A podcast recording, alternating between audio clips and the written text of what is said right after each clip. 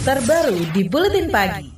DPRD Provinsi Aceh tengah membahas rancangan peraturan daerah atau kanun tentang hukum keluarga.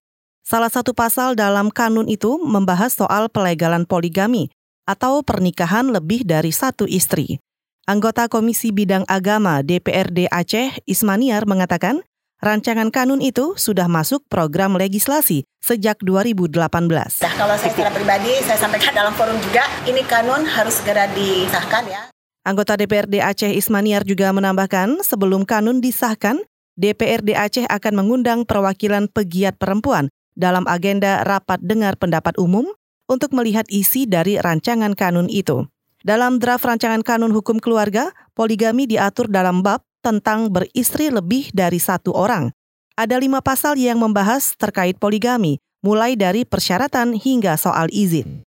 Aktivis perempuan Aceh Suraya Kamaruzaman menilai poligami bukanlah gaya hidup meski terdapat dalam ajaran Islam. Suraya mengatakan pihak eksekutif dan legislatif kerap membuat aturan dengan perempuan sebagai objek tanpa benar-benar memikirkan esensi dan mengutamakan kepentingan masyarakat tanpa diskriminasi. Nah, mereka punya data nggak ketika bilang bahwa banyak nikah siri? Apa alasannya? Berapa banyak? Ini harus dicek. Jangan-jangan hanya karena kepentingan segelintir pejabat eksekutif legislatif yang memang sudah nikah siri atau merencana nikah siri melegalkan membuat kebijakan ini. Aktivis perempuan Aceh Suraya Kamaruzaman menilai peraturan tentang poligami sepertinya hanya untuk mengakomodasi perilaku poligami seolah-olah poligami menjadi gaya hidup bagi yang mampu. Suraya juga mendesak pemerintah dan DPRA untuk mengeluarkan kajian data mengenai perilaku nikah siri dan poligami di Aceh. Kementerian Dalam Negeri akan membahas rancangan kanun atau Pemda Aceh yang memasukkan pasal poligami.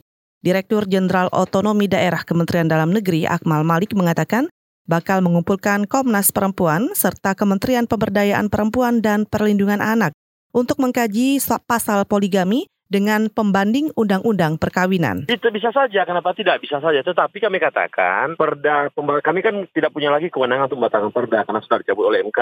Ya, nanti yang bisa melakukan itu adalah teman-teman yang merasa keberatan dengan perda tersebut. Mekanismenya di mana? Melalui MA gitu. Itu tadi Direktur Jenderal Otonomi Daerah Kementerian Dalam Negeri Akmal Malik.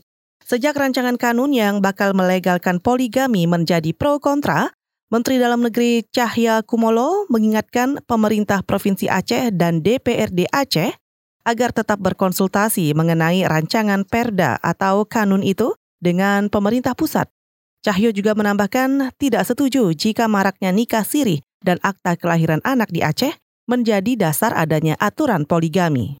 Komisi Nasional Perempuan mengatakan kebijakan dan aturan daerah yang mendiskriminasi kelompok tertentu mengalami kenaikan setiap tahun. Anggota Komnas Perempuan Adriana Feni mengatakan pada tahun 2017 terdapat 360 kebijakan dan aturan diskriminatif. Setahun kemudian jumlah aturan daerah diskriminatif meningkat mencapai lebih dari 400 kebijakan dan aturan.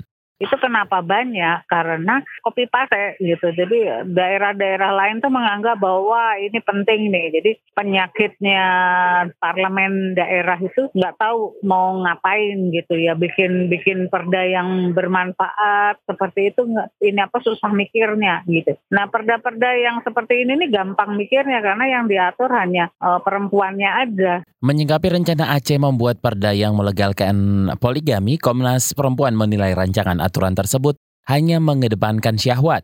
Komnas Perempuan memandang poligami termasuk bentuk kekerasan terhadap perempuan dan anak.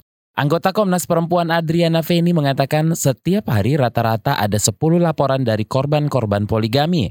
Rata-rata kasus yang dilaporkan kepada lembaganya adalah kekerasan dalam rumah tangga. Komnas Perempuan menyatakan poligami merupakan salah satu penyebab kekerasan dalam rumah tangga. Menurut catatan tahunan Komnas Perempuan tahun 2018, ada lebih dari 13.000 laporan kasus kekerasan masuk ke Komnas Perempuan dan lembaga layanan mitra.